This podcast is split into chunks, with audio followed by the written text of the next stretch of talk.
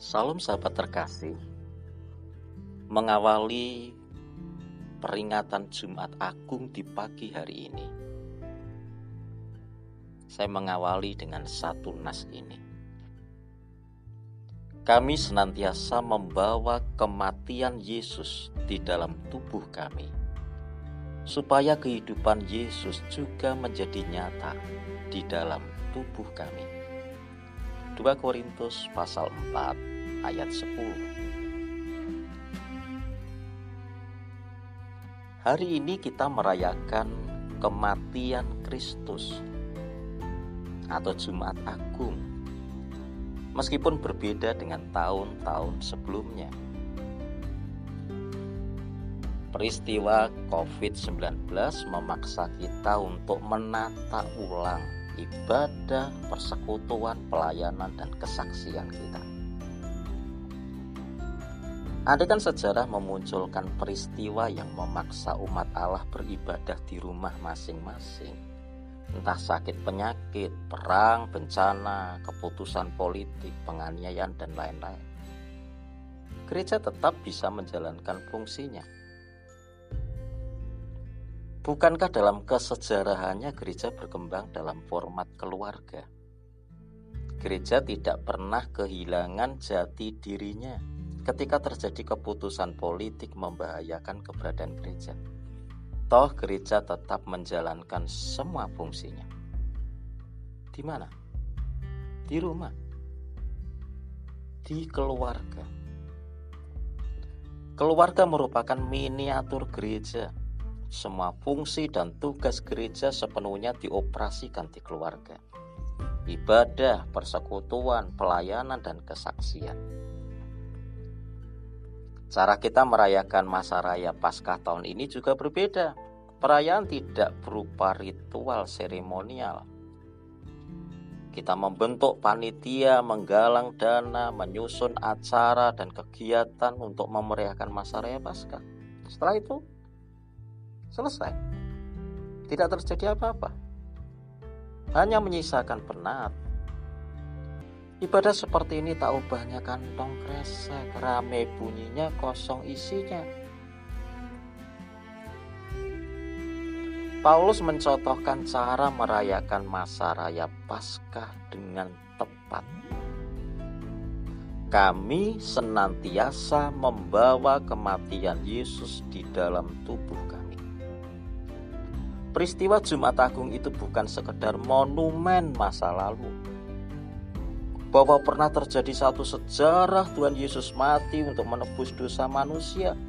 Lalu umat beramai-ramai diajak melihat ke sana, memunguti berkah sejarah.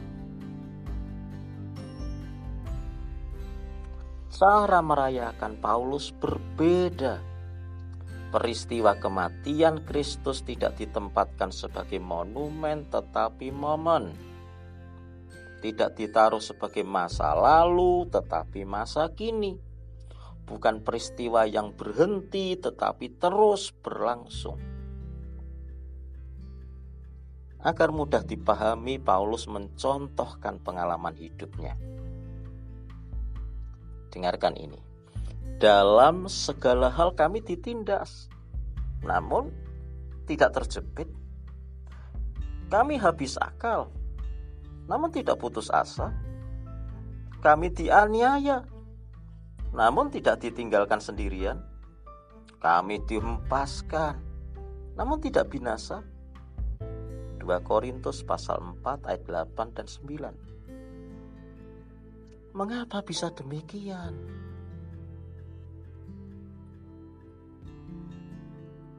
Ini jawabnya.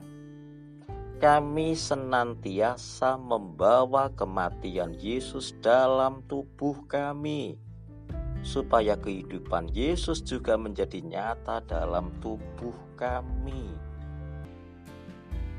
2 Korintus 4 ayat 10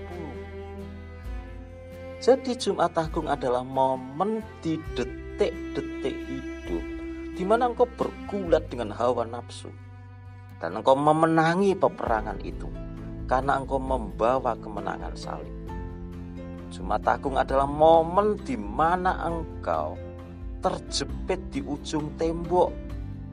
Engkau mengerang, orang-orang tidak peduli kepadamu, engkau kesepian, tetapi engkau memandang salib. Engkau bangkit, semangatmu menyala, kehidupan baru muncul. Barangkali masalahmu masih ada, tetapi iman, pengharapan, dan kasihmu mengalahkan semuanya. Jumat Agung adalah momen di mana pelayananmu dialiri oleh kehidupan Kristus. Sampai engkau berkata dan menyaksikan, lihat, lihat pelayanan kami Orang-orang yang dimatikan oleh banyaknya masalah, penderitaan, sakit penyakit, tekanan hidup, luka, dan trauma. Puji Tuhan, mereka dipulihkan, mereka dibebaskan, mereka hidup kembali. Dan kau bergirang bersama kegirangan mereka.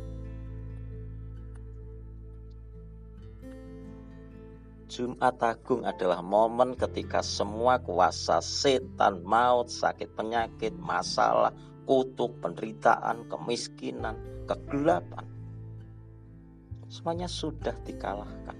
Itu masa lalu kita sudah selesai. Saat ini kita berjalan dalam kehidupan Kristus, semangat, gairah, kemenangan, karakter, kuasa, wibawa, pengurapan, pokoknya semua yang tersedia di dalam Kristus.